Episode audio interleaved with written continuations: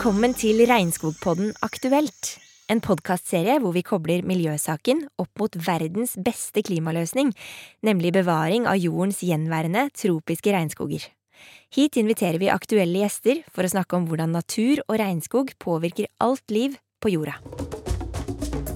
Jeg heter Silje Vemøy, er journalist, og i denne episoden skal vi snakke om norsk klima- og skogstøtte, nærmere bestemt de såkalte regnskogmilliardene og det faktum at Amazonasfondet er 15 år i år. Og hvordan disse pengene kan brukes til å bekjempe avskoging i Amazonas.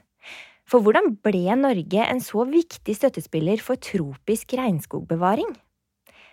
Forrige uke så snakka vi om den ekstreme tørken i Amazonas, og hvorfor det haster med å redde verdens gjenværende regnskog. Med oss i dag så har vi Kristin Halvorsen, direktør for Cicero senter for klimaforskning, og regnskogekspert Lars Løvold. Velkommen, begge to. Tusen takk. Tusen takk. Jeg begynner med deg, Lars. Du har blitt omtalt som Regnskogfondets far. Du jobber der fortsatt, og du ledet Regnskogfondet da du, Kristin Halvorsen, var finansminister. Dere deler et, et viktig stykke norsk historie sammen. Men Lars, du har jobbet med regnskogbevaring hele livet. Eh, og jeg bare stiller spørsmålet til deg igjen, jeg. Hvordan ble Norge en så viktig støttespiller for tropisk eh, regnskogbevaring? Det er egentlig en veldig lang historie, men man må jo prøve å gjøre den kort. ja. Eh, det var jo i 2007 at det skjedde. Regnskogfondet starta i 1989 og fikk sin første stab, som var meg, i 1990. Og i den tiden som da hadde gått mellom 1990 og 2007, så hadde for det første Regnskogfondet sakte, men sikkert bygd seg opp til en troverdig aktør som faktisk eh, klarte å ta vare på regnskog, jobbe tett med urfolk i regnskogsland, ha kontakt med myndighetene og gradvis vinne tillit. Vi fikk omtrent ikke noe støtte de første årene, og så begynte det å komme liksom til ett prosjekt, og så til tre, og så vokste, vokste det opp. Så en kombinasjon av det og at verden våknet for eh, klimatrusselen eh, på en måte rundt eh, den tiden, rundt 2007. Altså det var et toppmøte i FN om klima. Jens Stoltenberg var der, osv. Det åpnet seg en mulighet for å faktisk få til en stor norsk satsing på klima ved å ta vare på regnskog. Det er en rapport som heter Stern-rapporten, som er eh, en veldig kjent økonom, eh, Nicholas Stern. Han hadde laget en sånn rapport om framtida og, og klima, eh, kommet fram til at det overlegent mest kostnadseffektive tiltaket for å ta vare på klima, var å ta vare på regnskogen. Jens Stoltenberg er sosialøkonom. Han likte det kostnadseffektive argumentet. Og Lars Haltbrekken, som da var leder i Naturvernforbundet, og jeg som var leder i Regnskogfondet, vi så en mulighet til å foreslå noe veldig dristig. At Norge skulle bruke 6 milliarder kroner årlig på regnskogsbevaring. Og vi kunne si til politikerne at det skulle bare vare i fem år, for da trodde vi at eh, klimaforhandlingene i København i 2012 skulle komme fram til en ny klimaavtale som ville ha en finansieringsmekanisme. Så det var mye penger. Ekstremt mye penger. Sett fra 2007 så er 6 milliarder ganske mye å foreslå. Hvorfor foreslo vi det? Det var 10% av kalkylen til Støren. Norge kunne ta 10% tenkte vi. Et rikt oljeland. Så sånn eh, var liksom bakgrunnen for det. Og Kristin, du var en av politikerne du den gangen. Eh, du har vært eh, en av Norges mest profilerte politikere gjennom tidene, og du var finansminister da Norge begynte å satse på regnskogstøtte. Hvordan var, hvordan var det å være med på at Norge ble et ledende land på regnskogsatsing? Ja, For det første må jeg si at når Lars forteller liksom hvordan han jobba for å få Regnskogfondet til å bli en troverdig eh, organisasjon, så er det en veldig viktig premiss for at man kom i mål her. Men ellers så er jo dette et eksempel som jeg ofte har brukt på Jeg tror det er Norges beste lobbykampanje. Og det var disse to Larsene, Lars Haltbrekken og Lars Løvold, som hadde laga et veldig godt argument og eh, oppbygning og hadde kunnskapen. Eh, og i Stortinget så skulle man, eller regjeringen hadde lagt fram en klimaplan, og det være, ble diskutert klimaforlik i Stortinget. Og opposisjonen i Stortinget hadde, så vidt jeg husker, 61 krav. Og et av de kravene var regnskogsatsing. Og så tror jeg dere først gikk til Heidi Sørensen, som var statssekretær i, i Miljøverndepartementet. Og jeg husker veldig godt at vi hadde møte på finansministerens eh, kontor. Og dere la fram saken, og vi så i fellesskap at her åpner det seg en mulighet fordi Jens Stoltenberg elsker det kostnadseffektive. eh, og han hadde lyst det skulle være klimatoppmøte på Bali. Han hadde selvfølgelig veldig lyst til å komme med noe som eh, kunne faktisk bevege eh, klimaforhandlingene eh, der. Så eh, det blei ikke seks milliarder, men det blei til slutt tre. Men den, det var skikkelig drama helt til jeg satte meg på flyet og reiste, for finansministrene skulle også møtes på Bali. Eh, og det var fordi vi var ikke enige om hvordan det skulle finansieres. Fordi at Jens Stoltenberg og Arbeiderpartiet de mente at dette kunne tas av bistandsmidlene. Og vi brånekta fra SVs side og sa at det, en, det gjør en veldig god sak til en dårlig sak. For det betyr jo at det er verdens fattige som skal betale for en norsk regnskogsatsing. Eh, og øh, den diskusjonen gikk fram og tilbake. Den gikk fremdeles mens jeg var på vei til Gardermoen. Så vi snakka på telefon, Jens Stoltenberg og jeg, og når vi kom til Kløfta, så var vi omtrent enige. Uh, og da dreide det seg om at uh, vi ikke skulle ta av dagens bistandsmidler, men, men det kunne regnes som en del av økningen i bistandsmidlene. Og det ble regna som bistand, så det gjorde jo også at vi kom på 1% av bruttonasjonalinntekten i bistand. Så sånn sett så si, oppfylte vi ett mål til som var viktig. Og så var det jo veldig stort når vi kom Bali, da, til Bali. Da kom jo Jens etter, eh, etter hvert, og Erik Solheim kom etter hvert, og han sprang rundt som en oi-oi. Eh, med stort internasjonalt kontaktnett. Og da denne saken ble lagt fram på den pressekonferansen som vi var alle sammen, eller vi to og diverse andre, så var det applaus på en pressekonferanse. Det har jeg aldri vært med på noensinne, verken før eller siden. Så det satt rett og slett eh, en, et stort internasjonalt eh, oppmerksomhet og initiativ på dagsorden. Eh, og det er, det er kryss i taket og hæla i Ja.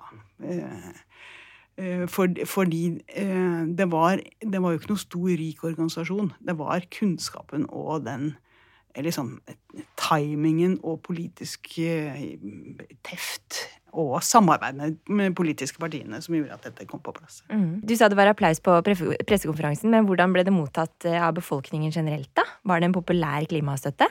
Ja, jeg tror det var veldig populært. og det er jo det med regnskog at det er utrolig mye flott å vise fram hele tida. det, det, var nydelige bilder av slanger og blader og, og sjimpanser si, og alt mulig eh, ting. Så det er jo en veldig sånn det er lett å illustrere hvorfor det er så viktig. Og det er jo også når vi nå også har et, helt annen oppmerksomhet rundt biomangfold, Uh, og et, et naturpanel og et klima- og naturpanel som skal samarbeide videre framover, så var jo dette også ganske eh, forut for sin tid i å kombinere hensynet til artsmangfold, biologisk mangfold og klima. Eh, så eh, ja, det var en populær sak også i eh, befolkningen. Opposisjon på Stortinget husker jeg, de var litt molefonkne.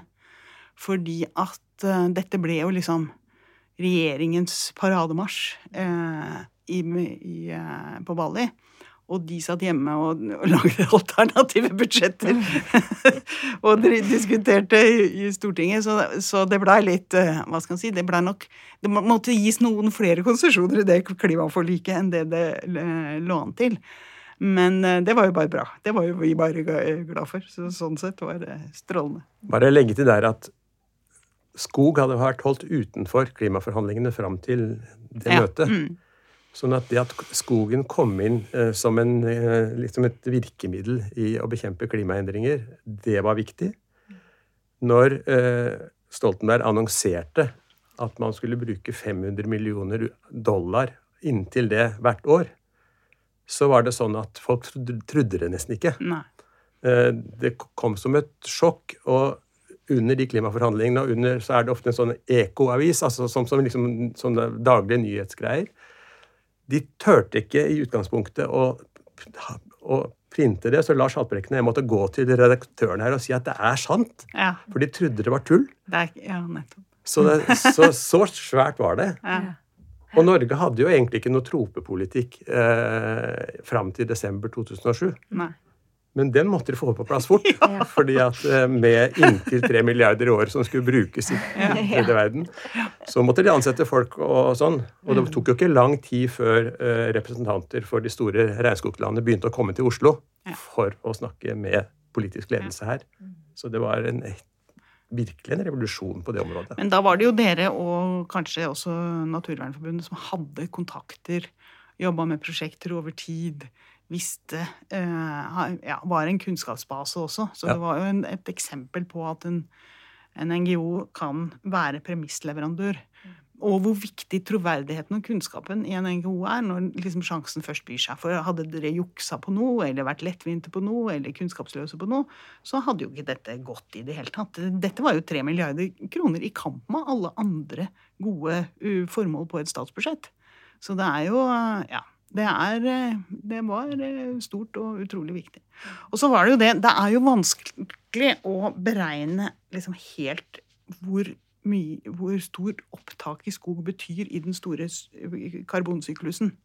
Men vi vet jo at regnskogen er ekstremt viktig. På våre breddegrader er det jo jordsmonnet som lager store mengder av karbon. Så vi må på en måte på hjemmebane ta vare på eh, arealer på en annen måte eh, enn før.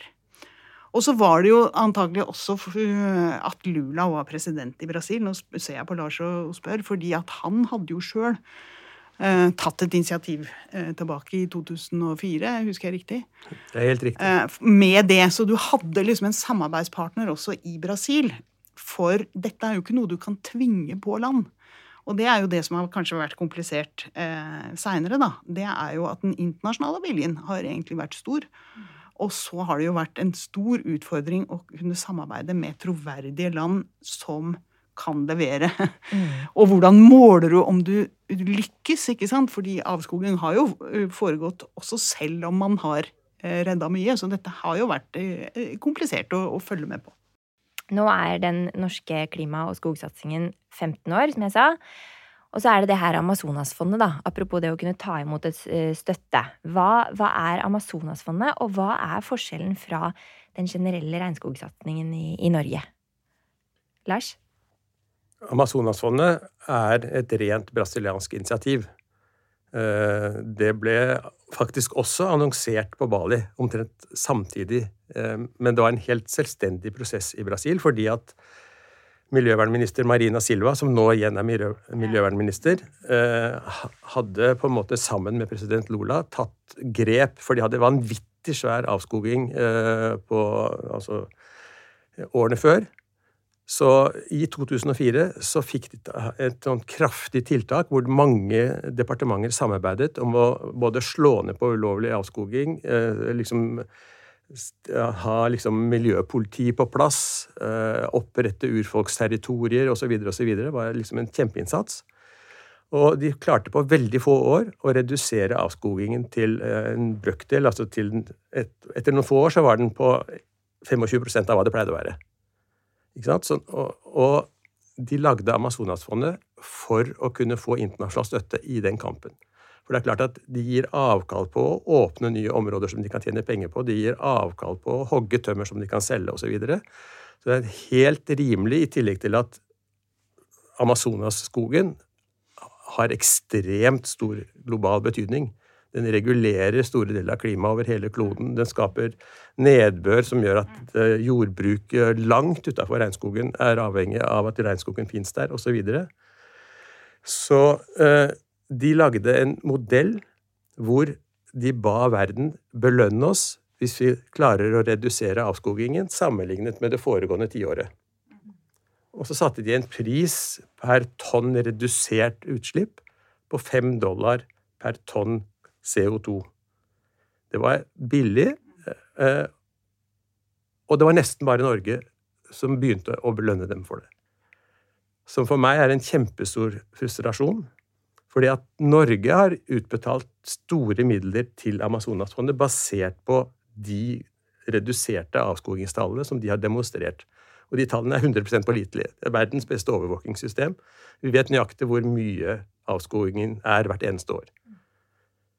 Så Norge har betalt, altså siden 2008-2009, da, eh, 8,3 milliarder norske kroner til Brasils Amazonasfond.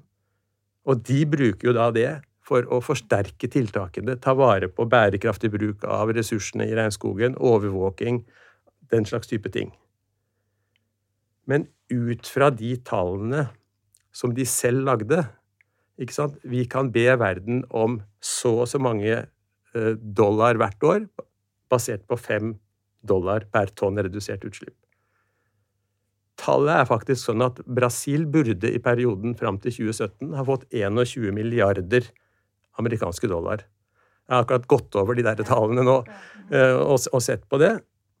De fikk 1,2 milliarder dollar fra Norge, altså en 5-6% Og det var nesten ingen andre land som ga noe penger.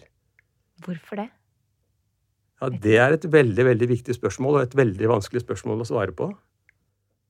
Jeg tror at det er ingen gode grunner for det. Jeg tror at det skyldes at den norske satsingen var så stor at en del store land som Tyskland og USA og sånn følte seg litt små i sammenheng med Norge som gjorde dette. Jeg tror det er mye konservatisme ute og går. Altså, vi har våre programmer, enten vi er eh, britisk bistand eller tysk bistand. Vi fortsetter med de. For det er klart at dette var opptakten fra norsk side til en internasjonal dugnad for virkelig å stimulere fattige regnskogsland til å ta vare på skogen og bli belønnet for det. Og den belønningen har etter min mening vært altfor lav, selv om Norge virkelig har gjort det Norge kunne gjøre. Men tenker du i ettertid at vi tok for hardt i, egentlig? At det blei liksom, litt, litt, for tydelig norsk stempel og kanskje litt At vi burde tenkt at ja, vi legger tre milliarder på bordet hvis andre også legger Altså at vi skulle vært litt rausere på en måte i profileringen? Behovene er jo så store, så ja, jeg, har ikke, jeg, jeg, har ikke, tenkt det. Men Nei. det er en eller annen dynamikk der som er ja, Som kanskje har gjort at de andre tenker ok, men det tar Norge seg av. Ja. ja. Og det kan ikke Norge gjøre. Nei, det... Behovene er jo så kjempesvære. Altså bare Brasil de fikk altså, ja, La oss si de fikk 5-6% av hva de burde ha fått. da. Mm, mm. Og hvis men, de hadde men, fått det, de hadde på en måte krav på, hvis man aksepterer den Amazonas-modellen, da ville jo hele situasjonen i Amazonas vært helt, helt annerledes. annerledes. Mm. Helt annerledes. Mm.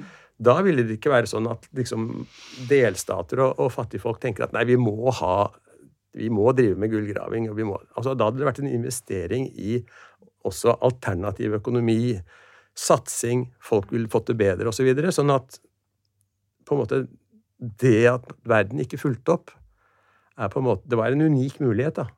Og det var jo Amazonasfondet, men, men resten av regnskogsatsingen der, for vi gir jo til flere land også? Vi gir til masse land. ja. eh, for eksempel Indonesia nå. Indonesia, Nå sjekka jeg statsbudsjettet for 2024, og der nevnes Indonesia, Costa Rica, Peru og muligens eh, Colombia. Men det kan jo være flere land som kommer i tillegg, uh, i tillegg til det. Men det er klart, Og Indonesia er jo også historien om en vellykket uh, regnskogsatsing. Det er jo moro også, fordi det var der det, uh, det starta. Men det krever jo lokale myndigheter, eller nasjonale myndigheter som jobber systematisk, sånn at det har troverdighet at de pengene faktisk gjør en forskjell. Ja, for Indonesia tok veldig lang tid før man fikk reelle ja. resultater. Ja. Man hadde jo en samarbeidsavtale med dem liksom fra ja, jeg tror det var fra 2010. Mm. Eh, også lovet dem en milliard dollar, som man lovet Brasil. Mm. Eh, nå har jo de, de siste tre-fire årene har de jo hatt virkelig redusert avskoging, så nå må Norge betale. Ja. Som er et problem for satsingen, for nå er jo satsingen såpass beskjeden i størrelse i forhold til hva den var i dollar. Brasil opprettet Amazonasfondet i 2008 for å kunne hente støtte fra det internasjonale samfunnet i sin kamp for å bevare regnskogen i Brasil, verdens største regnskog. Regnskogmilliardene går ikke bare til Amazonasfondet, de går også til andre viktige regnskogland, som Indonesia og Kongo. Vil du lære mer om dette? Les gjerne på nettsidene regnskog.no. Lars, du har vært utallige ganger i regnskogen. Du har blitt venner med de store høvdingene mens du har bodd der. Du er vel det nærmeste man kommer en norsk regnskoghøvding, tror jeg. Hvordan har du med egne øyne sett norsk regnskogstøtte utfolde seg på bakken i Brasil? For å være helt ærlig så har jeg jo mest sett eh, på nært hold de eh, prosjektene som Regnskogfondet selv har jobbet med og støttet. Det er jo de jeg stort sett har besøkt. Eh, og vi har jo også eh, i et visst omfang fått støtte fra de norske regnskogmilliardene. Fordi mesteparten av pengene i den satsingen har gått til samarbeid med enkeltland, altså de såkalte bilaterale avtalene. Da har det gått ganske store midler til UNRED, altså FNs klimasatsing, Verdensbankens karbonfond og den slags type ting. Men det har også vært regelmessige utlysninger av midler til det sivile samfunn. Så man har måttet liksom komme med søknader og konkurrere med andre. Eh, og det er en ganske stor del, faktisk, av den norske klima- og skogsatsingen. Så det har vært prosjekter ut, altså overalt. Eh, masse lokale organisasjoner. Eh, og en del har gått via internasjonale organisasjoner som oss. Så man ser jo på de resultatene som har kommet via de satsingene, eh, at det rett og slett det nytter. Det går an å ta vare på regnskogen. Det går an å jobbe med lokalbefolkningen. Det går an å skape alternativer til kortsiktig gevinst med langsiktig forvaltning av regnskogens ressurser. Eh, dyrking på måter som gjør at du ikke må drive rotasjonsjordbruk, men samplante med liksom frukttrær og kunne dyrke på det samme området om igjen og om igjen og om igjen, osv. osv. Det er utallige sånne resultater. Men jeg har også fulgt med rett og slett uh, av forskjellige grunner på Amazonasfondets eh, ja, performance, som det heter på nytt norsk. Eh, så det er ganske imponerende jeg har sammenligna litt med liksom hvordan, hvor lang tid det har tatt med Verdensbankens fond for ymse gode tiltak og alt mulig sånn. Amazonasfondet Vi kritiserte dem for å være seine i starten og for å veldig vanskelig å, å, lage veldig kompliserte søknader og sånn, og så har de forbedret systemene sine hele tiden. Sånn at øh, det har gått støtte til frivillige organisasjoner, det har gått støtte til de ni delstatene i brasilianske Amazonas. Det har gått støtte til masse kommuner. Det har gått støtte til brannverntiltak. Det har gått støtte til å utvikle bærekraftige økonomiske alternativer til hogst eller kvegdrift og den slags type ting.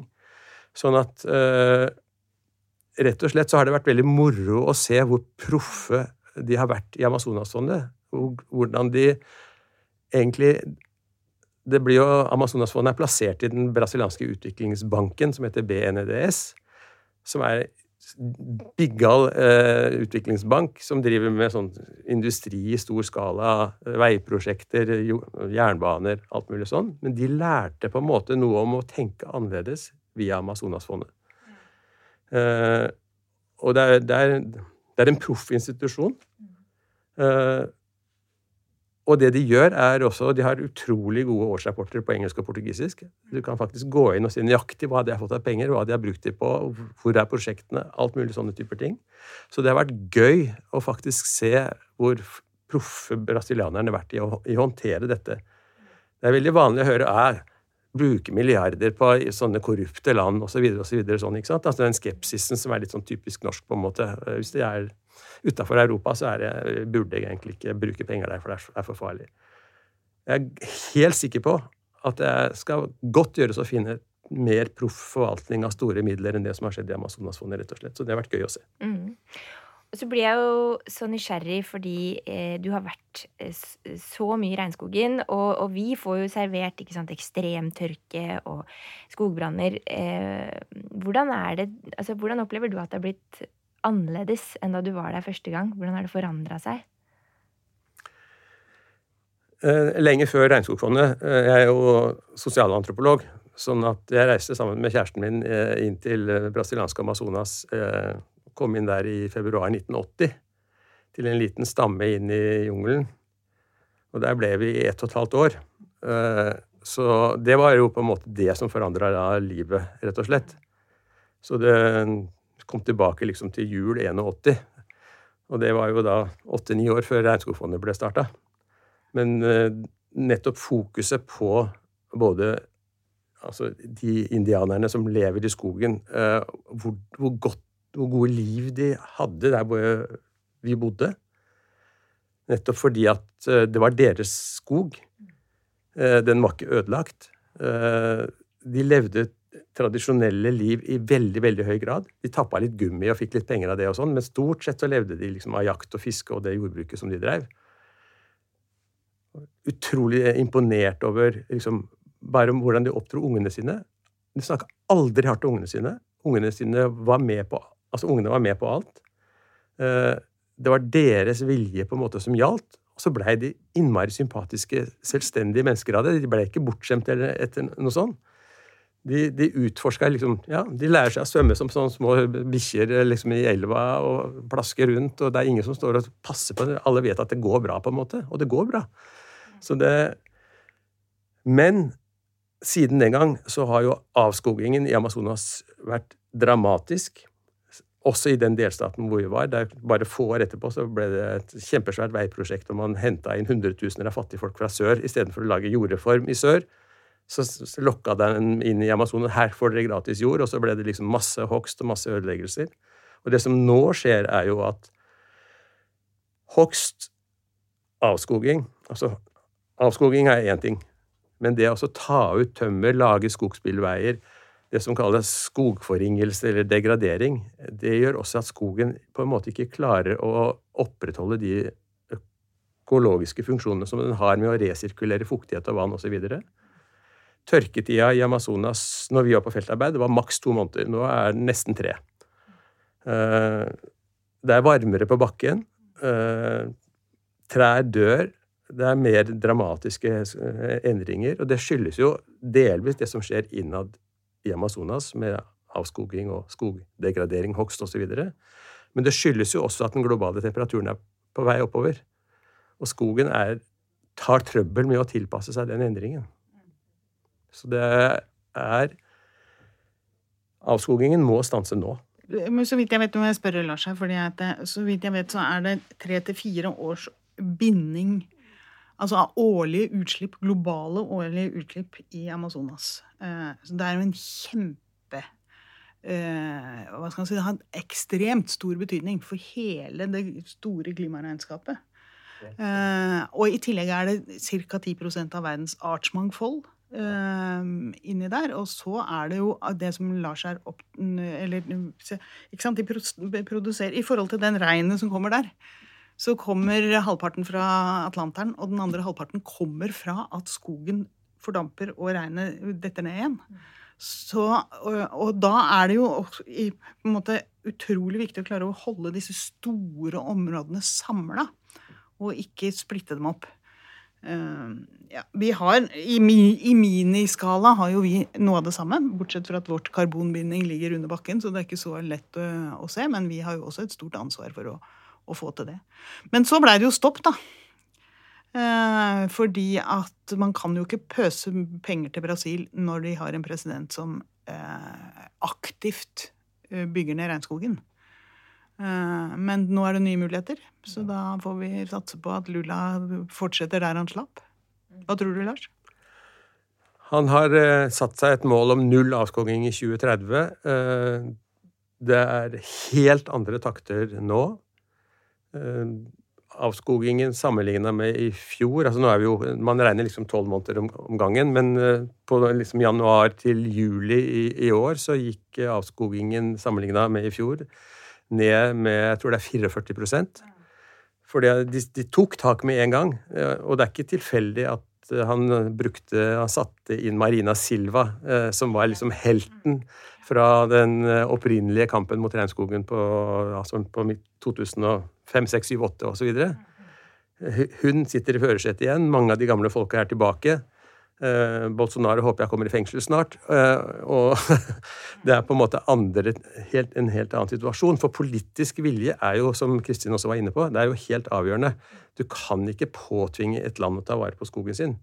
Du må skape en type enighet, og hvis det er sterk vilje fra toppen, så går det an å få til utrolig mye på kort tid. Kristin, den gangen du var finansminister, hva var det du mente at Amazonas-pengene skulle gå til da? Det er jo en store utfordring med fattigdom, med matproduksjon, med alt dette. Og det er jo å gi et alternativ eh, for mange, da, til å, til å ha noe å livnære seg av på en god måte.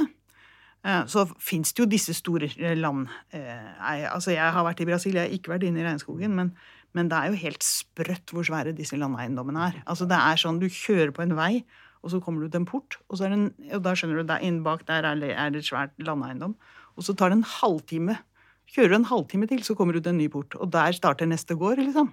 Når du da kommer fra Telemark og er vant til småbruk, så, så blir du jo helt Ja, så det er jo noen sånne strukturer og og øh, hva skal man si, ekstreme forskjeller også, som er drivere i, i dette, selvfølgelig. Men, men, øh, jeg tror egentlig at vi har innholdet i hva som øh, skal gjøres. Og at det krever mer internasjonal politisk oppmerksomhet og mer finansiering, selvfølgelig. Men så fikk jo også regnskogen mer oppmerksomhet under Glasgow Eh, enn den har fått på mange år. Så jeg tror jo at eh, det ligger i Kjømda at her, hvis landene kan levere, så tror jeg det ligger i Kjømda at mange flere enn før vil være med å finansiere en uh, satsing på dette. Så vidt jeg husker, så var det 100 land eller noe sånt som skrev under uh, på En skogforpliktelse. Sånt, en skogforpliktelse. Som, sånn at det er et, et område som det er bevegelse på også. Siden Norge startet opp med regnskogmilliardene i 2008, og frem til det ble satt på pause ti år senere, sørget støtten hvert eneste år for å kutte klimautslipp tilsvarende halvparten av Norges årlige totale utslipp. Les gjerne mer om dette på regnskog.no. Kristin, med, med regnskogstøtten så ble Norge et ledende verdensland på regnskogbevaring. Hva er det Norge må gjøre nå for ikke å sakke akterut i den jobben? Og da tenker jeg annet på at beløpet ikke har økt med ett øre siden den gangen du var finansminister. Jeg, jeg tror at det viktigste er at man får flere med seg. Du må inn i politikken igjen. ja. Nei, jeg skal ikke gjøre noe comeback her. Men jeg tror at det at uh, regnskogen kommer mye høyere på den politiske dagsorden, internasjonale politiske dagsorden, at flere føler eierskap på dette, at vi får flere med i finansiering. Nå tror jeg det er tolv donorland inne i en, i en sånn uh, finansiering. Jeg tror at det er viktigere enn at Norges uh, støtte aleine øker. Vi kan uansett ikke klare å kompensere for det. Men vi kan jo f.eks. si at hvis flere land er villige til å gå med, så kan vi også øke noe sånt. Men i klimapolitikken nå så vil jeg tenke at er, vi har også veldig store utfordringer i forhold til å få eh, finansiert fornybarsatsing i framvoksende økonomier, f.eks. For, eksempel. for For det er klart den globale oppvarmingen som er pågående, den truer regnskogen i seg sjøl. Den fører til reduserte arter. Og det må vi få til på en sånn måte at vi bevarer Altså ny fornybar krever mye plass ofte. Eh, sånn at vi må jo klare å få det til på en sånn måte at det i seg sjøl heller ikke truer biologisk mangfold og regnskog. Så her er det, ja, her er det mange på en måte sånn balanser vi må klare å gå, uh, å gå framover. Det er riktig at uh, det ble lovet store midler, det var vel to år siden uh, klimatoppmøtet i Glasgow. I den, altså skogløftene. Og det ble også lovet store midler til urfolk, fordi man har endelig skjønt at de som forvalter skogen på bakken, de trenger også støtte de som tjener penger på skogen, er jo de som hogger den, ikke de som tar vare på den. Så helt, man må lage nye mekanismer for det, og det er det også blitt en mye større forståelse for. Så uh, Samtidig så er det jo sånn at, som Kristin sier, uh, det er mange land som nå lover større midler til klimasatsing, til dels også skog, enn Norge. Sånn at når vi nå skal begynne å betale Indonesia for faktiske resultater, og det må vi gjøre, og det er veldig bra, så er det nesten ikke penger igjen til noe annet. Så vi har lenge sagt at den satsingen må umiddelbart opp i 4,5 milliard, og den bør øke, den bør dobles på noen få år. Det mener jeg er veldig viktig. Hvis man klarer å holde ambisjonsnivået fra 2007. Ja. Mm. ja, okay. ja. Eh, Lars, hva er det aller viktigste arbeidet frem mot 2030 eh, eh, at verdensledere må gjøre for å, for å sikre en, en, bevaring av regnskogen, regnskogen, at den fortsetter? Fattige land har aldri kunnet stole på at de rike landene er villige til å betale. Så uh, uh, forutsigbarhet og troverdig finansiell støtte, sånn at du kan jobbe ikke bare ett år her og litt grann der, men at du kan jobbe systematisk med de store skoglandene. Uh, fordi at vi klarer ikke å nå klimamålene hvis vi fortsetter rasering av regnskogen. Den er helt avgjørende for det totale klimaregnskapet. Den er helt avgjørende for våre nye biologisk mangfoldforpliktelser. Eh, og den er, som ikke så veldig mange vet ennå, veldig viktig for jordbruket langt utafor regnskogen. Eh, den ikke bare redistribuerer og resirkulerer regn, den lager regn. Det har man oppdaget for noen få år siden. Så det er på det området Og så må vi selvfølgelig slutte å, å, å fyre med å bruke kull, olje og gass, som jo er den store, stygge ulven, selvfølgelig. Men akkurat når det gjelder regnskog, så er det egentlig det å kunne At verdenssamfunnet faktisk setter pris på og forplikter seg. Kristin, vi har jo snakka en del om din tid som finansminister nå, men nå er du jo direktør for Cicero. Mm. På hvilken måte benytter du erfaringen din med regnskogbevaring i ditt arbeid i Cicero i dag?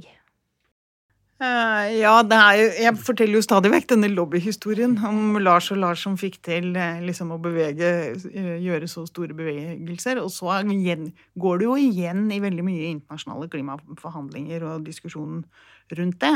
Vi kunne ønske oss Uh, peng, mer uh, I den store sammenhengen er ikke det store midler, men til mer uavhengig uh, forskning av det også, for jeg tror det ville økt troverdigheten. Så jeg tror at uh, 15-årsjubileum betyr en ny renessanse for oppmerksomheten rundt regnskogen. Og det er helt riktig som Lars sier, at hvis man, hvis man kunne vite at ja, men dette er rammebetingelser som vi kan forholde oss til i de neste 20 årene, så vet du at hva du kan gjøre i forhold til kommende generasjoner og, og alt mulig sånn. Og da må vi være villige til å betale for eh, å bevare, og ikke, ikke, destruere. Lars, du har fylt 70 år. Eh, og etter et lang livs tjeneste i Regnskogsfondet, så har du begynt å trappe ned. Hvordan tror Litt trappe ned, du jobber fortsatt masse. Nå kommer mitt tusenkronersspørsmål. Hvordan, hvordan tror du regnskogen vil klare seg framover? Jeg vil veldig gjerne vite det. vi må tenke mye mer offensivt enn vi har gjort. Eh, har, eh, for det første så er jeg livredd for det som heter tipping point for Amazonas. Altså at eh, forskningen sier at vi risikerer at eh, Amazonas som en helhet, ikke bare i Brasil, men Amazonas-området, eh, som jo er to tredjedeler av regnskogen, at det kollapser. Mm, det snakka vi også litt om, i, eller mye om, i forrige episode, så kan man høre mer om det der. Jeg bare skyter det inn. Greit. Mm. Eh, men for det andre så er det eh, en del forskningsmiljøer i Brasil. Eh, Carlos Nober er en veldig anerkjent klimaforsker, blant annet. De snakker om Amazonas 4.0. Eh, de dreier seg om å tenke helt annerledes når det gjelder å bruke ressursene, altså bruke high-tech. Eh, han snakker om samarbeid mellom liksom Massachusetts Institute of Technology og, og brasilianske universiteter, og investere liksom i det å utnytte det vanvittige genetiske og biologiske mangfoldet til å utvikle altså liksom, Disse skimrende blå sommerfuglene. De har noe sånn krystaller på, på, som lager sånn der glans som har vært brukt i, på Mercedes og sånne biler som er litt sånn tøffe. Altså, Hvordan du kan på en måte eh, altså, bruke de, de, de, vanvittig rare eh, og kompliserte egenskapene til å lage nye eh, businessmodeller. Hvordan du kan involvere lokalbefolkningen i å produsere på andre måter. Eh, sånn at du må, du må, satse. Du må ikke bare tenke å, vi må lage en park rundt det hele. Du, du må lage moderne økonomi. Neste generasjons økonomi. Det er derfor han bruker 4-0. Eh, og jeg har veldig stor tro på at det er mulig nettopp fordi at eh, regnskogen egner seg ikke for standard kapitalisme. Standard kapitalisme skal produsere mye av det samme. Ikke sant? Effektivt. Men her er det snakk om uh, nye næringsveier, nye uh, produkter. Medisinsk, men også på alle mulige andre områder. Å utnytte og virkelig satse på å lage dette og sørge for at de som bor i skogen og bor i den regionen, enten de nå bor i byer eller i selve skogen, at de faktisk da får en sosial utvikling som gjør at de blir glad i å bo der. Da går vi ut med, vi går ut med den, vi. Kristin Halvorsen, direktør i Cicero senter for klimaforskning, og Lars Løvold, ekspert hos Regnskogsfondet. Tusen takk for at dere kom for å snakke om det viktige temaet her. Tusen hjertelig takk. Tusen takk, for oss, og gratulerer til Lars igjen. gratulerer. Gratulerer med å ha fått på plass en veldig viktig satsing, sier jeg. Absolutt.